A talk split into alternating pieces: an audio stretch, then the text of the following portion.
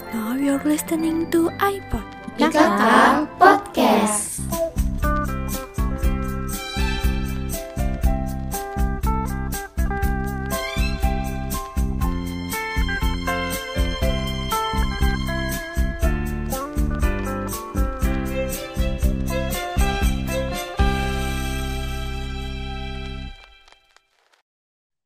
Halo Famkas, balik lagi nih di IKK Podcast, tepatnya di segmen biru alias Bincang Seru. Sebelumnya, perkenalkan nama aku Mar Azmeratnela sebagai podcaster pada kali ini. Nah, aku dari IKK 58 dari divisi FEC eh, Himaiko. Nah, eh, FEC Himaiko ini punya program namanya Covitel. Covitel ini bakal berhubungan banget nih sama eh, materi kita pada eh, podcast kali ini, yaitu curhat di Covitel Yuk. Nah, eh, pada pembahasan podcast kali ini aku nggak sendiri karena aku akan ditemani oleh eh, pembicara yang menginspirasi dan juga punya pengalaman banyak. Nah, langsung saja aku sambut Kak Sabrina Nurfa- Fajrina Rosyada. Boleh Kak Sabrina Nurfajrina Rosyada? Dipersilahkan. Halo, halo Nela. Kenalin, aku Sabrina, Sabrina Rosyada. Cuman mungkin karena panjang boleh dipanggil Ocha aja kali ya. Aku juga dari IKK Angkatan 57. Saat ini aku ada di semester 7 dan bagian dari Covitel gitu. Ah, halo Kak Ocha nih. Nah, eh, teman-teman sudah kenal ya dengan Kak Ocha. Nah, Kak Ocha ini juga sebagai kon- eh, konselor ya Kak di Covitel ya. Iya, betul, betul. Aku jadi konselor di Covitel. Nah, mungkin eh, boleh nih eh, sharing dulu kalau dari Kak Ocha sendiri sebagai konselor tuh eh oh, di mana aja nih kira-kira dan udah berapa lama sebagai konselor? Oke, jadi aku tuh sebenarnya jadi konselor udah dari tahun 2021. Jadi udah lumayan lama. Pertama kali tuh aku gabung ada namanya di konselor sebayanya IPB gitu. Terus eh, setelah itu aku juga gabung di bagian eh, FEMA, mental health-nya FEMA. Terus saat ini juga aku jadi bagian di Covitel gitu. Wah, keren banget ya Kak, eh, Kak Ocha ini karena Kak Ocha sudah banyak pengalaman selama menjadi konselor di IPB, di IFEMA maupun di IKK juga. Nah, mungkin kan udah sering nih ya eh, tentang ngebahas tentang konseling, konselor atau ngebahas tentang eh, perkonselingan ini. Nah, buat Kak Ocha ini arti konse- konseling itu apa sih Kak? Oke, jadi secara simpelnya gitu ya, sebenarnya konseling ini adalah sesi curhat, tapi curhat dengan eh, terarah gitu. Karena kan biasanya kalau kita curhat sama teman gitu kan biasanya lebih kayak ke ujung-ujungnya malah misu, tapi mungkin nggak ada arahannya mau diapain nih dari cerita atau permasalahan yang kita alamin gitu. Jadi konseling ini sebenarnya adalah eh, sesi cerita gitu atau bagian dari yang memungkinkan seorang untuk berbicara terkait perasaannya, kebutuhannya, dan juga permasalahan yang mereka hadapi gitu. Dan dalam konseling ini harus dalam suasana yang aman, terstruktur, dan juga rahasia. Seperti itu, Nela. Wah, bo- boleh banget nih ya. Berarti eh, untuk eh, untuk lebih terarah lagi, nggak cuma curhat aja, kalian bisa konseling gitu. Tadi sudah dijelaskan ya oleh sama eh, sama Kak Ocha. Nah, selanjutnya Covitel itu kan punya eh, konseling juga. Nah, kalau dari Kak Ocha sendiri, Covitel itu pengertiannya gimana sih, Kak? Oke, jadi Covitel itu kan kalau bisa dilihat dari logonya sendiri di situ kayak ada eh, cangkir kopi gitu ya, dan juga ada tulisan eh, Tell Your Tales gitu. Kopi itu kan identiknya pahit gitu kan, sedangkan tell itu artinya kisah gitu. Jadi ibaratnya sama aja nih kayak hidup yang mungkin ada aja persoalan terkait dengan sedihnya atau uh, permasalahannya atau hal-hal yang nggak enak gitu. Dan Coffeetel ini sebuah platform yang membantu kita nih untuk menuangkan kisah pahit kita gitu. Jadi walaupun uh, pahit gitu kan, kopi itu kan masih tetap dinikmati. Nah, sama aja kayak kisah-kisah yang ada di hidup kita, meskipun mungkin uh, nggak menyenangkan atau nggak mengenakan, masih kita bisa uh, nikmatin gitu dan masih bisa kita jalanin. Mungkin seperti itu. Oke, terima kasih Kak Ocha atas jawabannya. Nah, benar banget tadi filosofinya keren banget karena tadi jelaskan bahwa uh, kopi itu pahit dan mungkin nggak selamanya pahit dan kita tetap harus menjalani hidup. Nah, uh, Vita ini kan konseling ya. Nah, sebenarnya kalau dari kita sendiri kenapa sih harus butuh konseling? Sedangkan kan biasanya kita sebagai cewek sukanya curhat nih. Nah, kalau konseling tuh unggulnya kenapa sih, Kak? Oke, nah ini pertanyaan yang bagus banget ya karena kan uh, pada dasarnya kita sebagai manusia itu senang banget yang namanya didengerin gitu kan. Terus juga kita punya kebutuhan di mana divalidasi perasaannya gitu kan, didengarkan dan lain sebagainya gitu. Cuman sering kali nih kita tuh temuin kalau misalkan kita lagi curhat, ujung-ujungnya tuh bukan didengerin, tapi kayak entah itu adu nasib, entah itu malah uh, kayak cerita kita kurang didengarkan, kurang di uh, apa ya perasaan kita kurang divalidasi dan lain sebagainya gitu.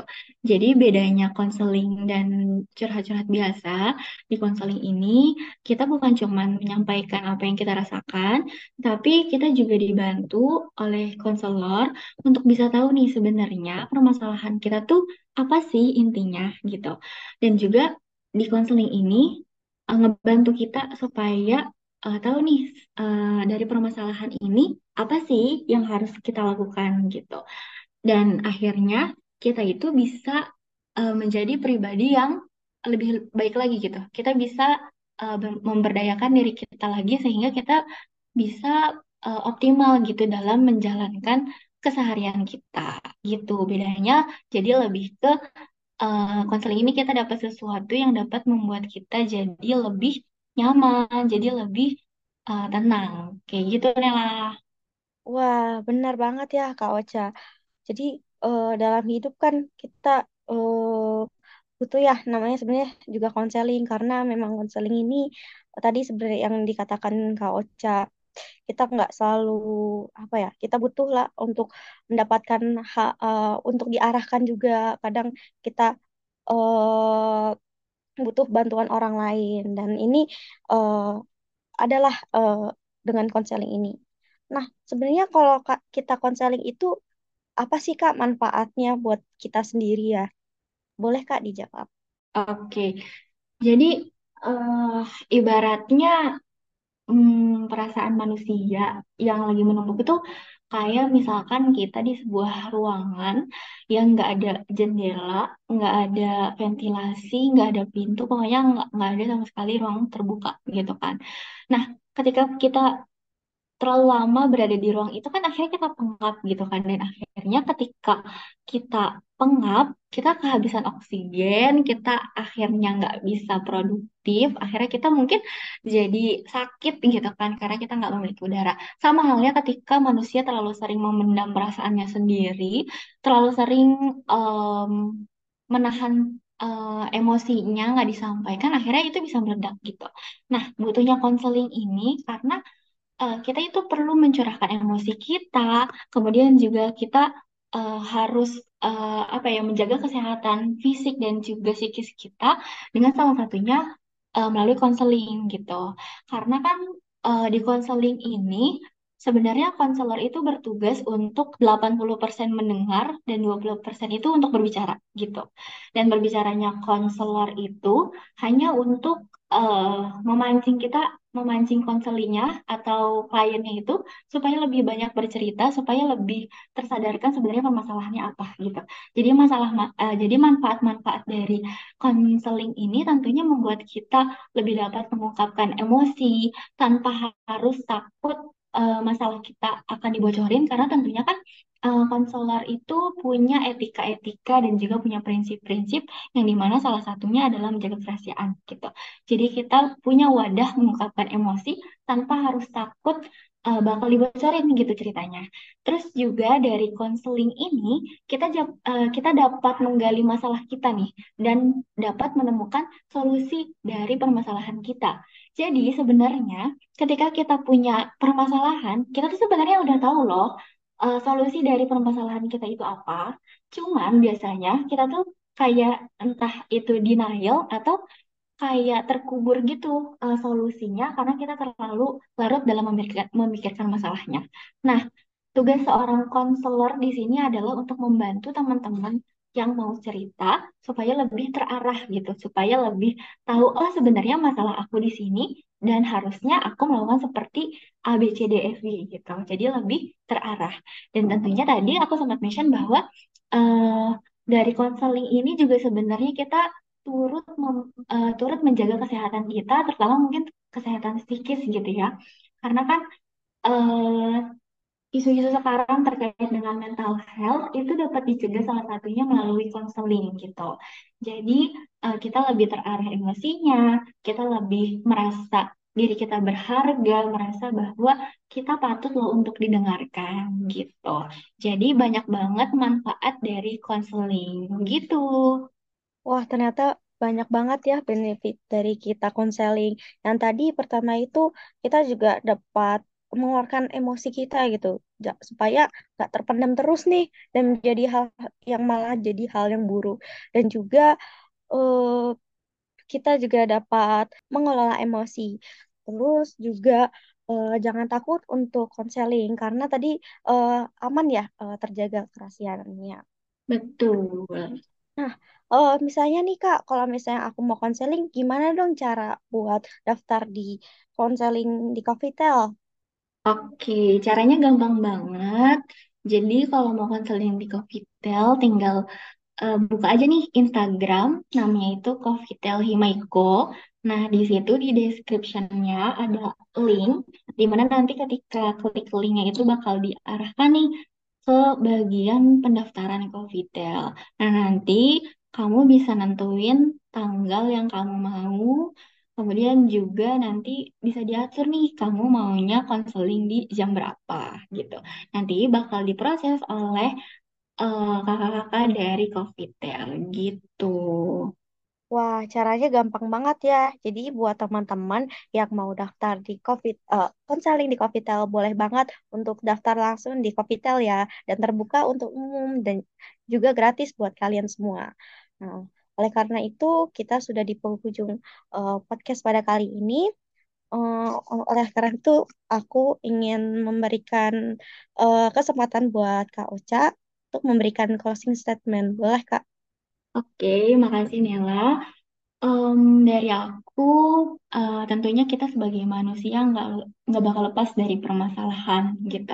Tapi bagaimanapun permasalahan yang kita lalui, yang kita hadapi, itu sebenarnya adalah eh, proses atau sebuah batu loncatan untuk kita menjadi lebih baik gitu. Jadi buat teman-teman yang mungkin lagi ada permasalahan, jangan berputus asa karena insya Allah kita bakalan nemu solusinya, entah itu eh, dari mana pun sumbernya, dan pastinya jangan ragu untuk konseling karena cerita kamu itu eh, sangat berharga, pengalaman kamu atau kejadian-kejadian yang ada di hidup kamu itu sangat berharga. Jadi eh, semangat dan jangan menyerah gitu dari aku. Terima kasih. Wah, terima kasih juga Kak Ocha atas sharing-sharingnya pada kali ini. Karena telah selesainya podcast pada kali ini, saya undur diri. Mohon maaf bila ada kesalahan. Terima kasih dan sampai jumpa di podcast berikutnya. Dadah!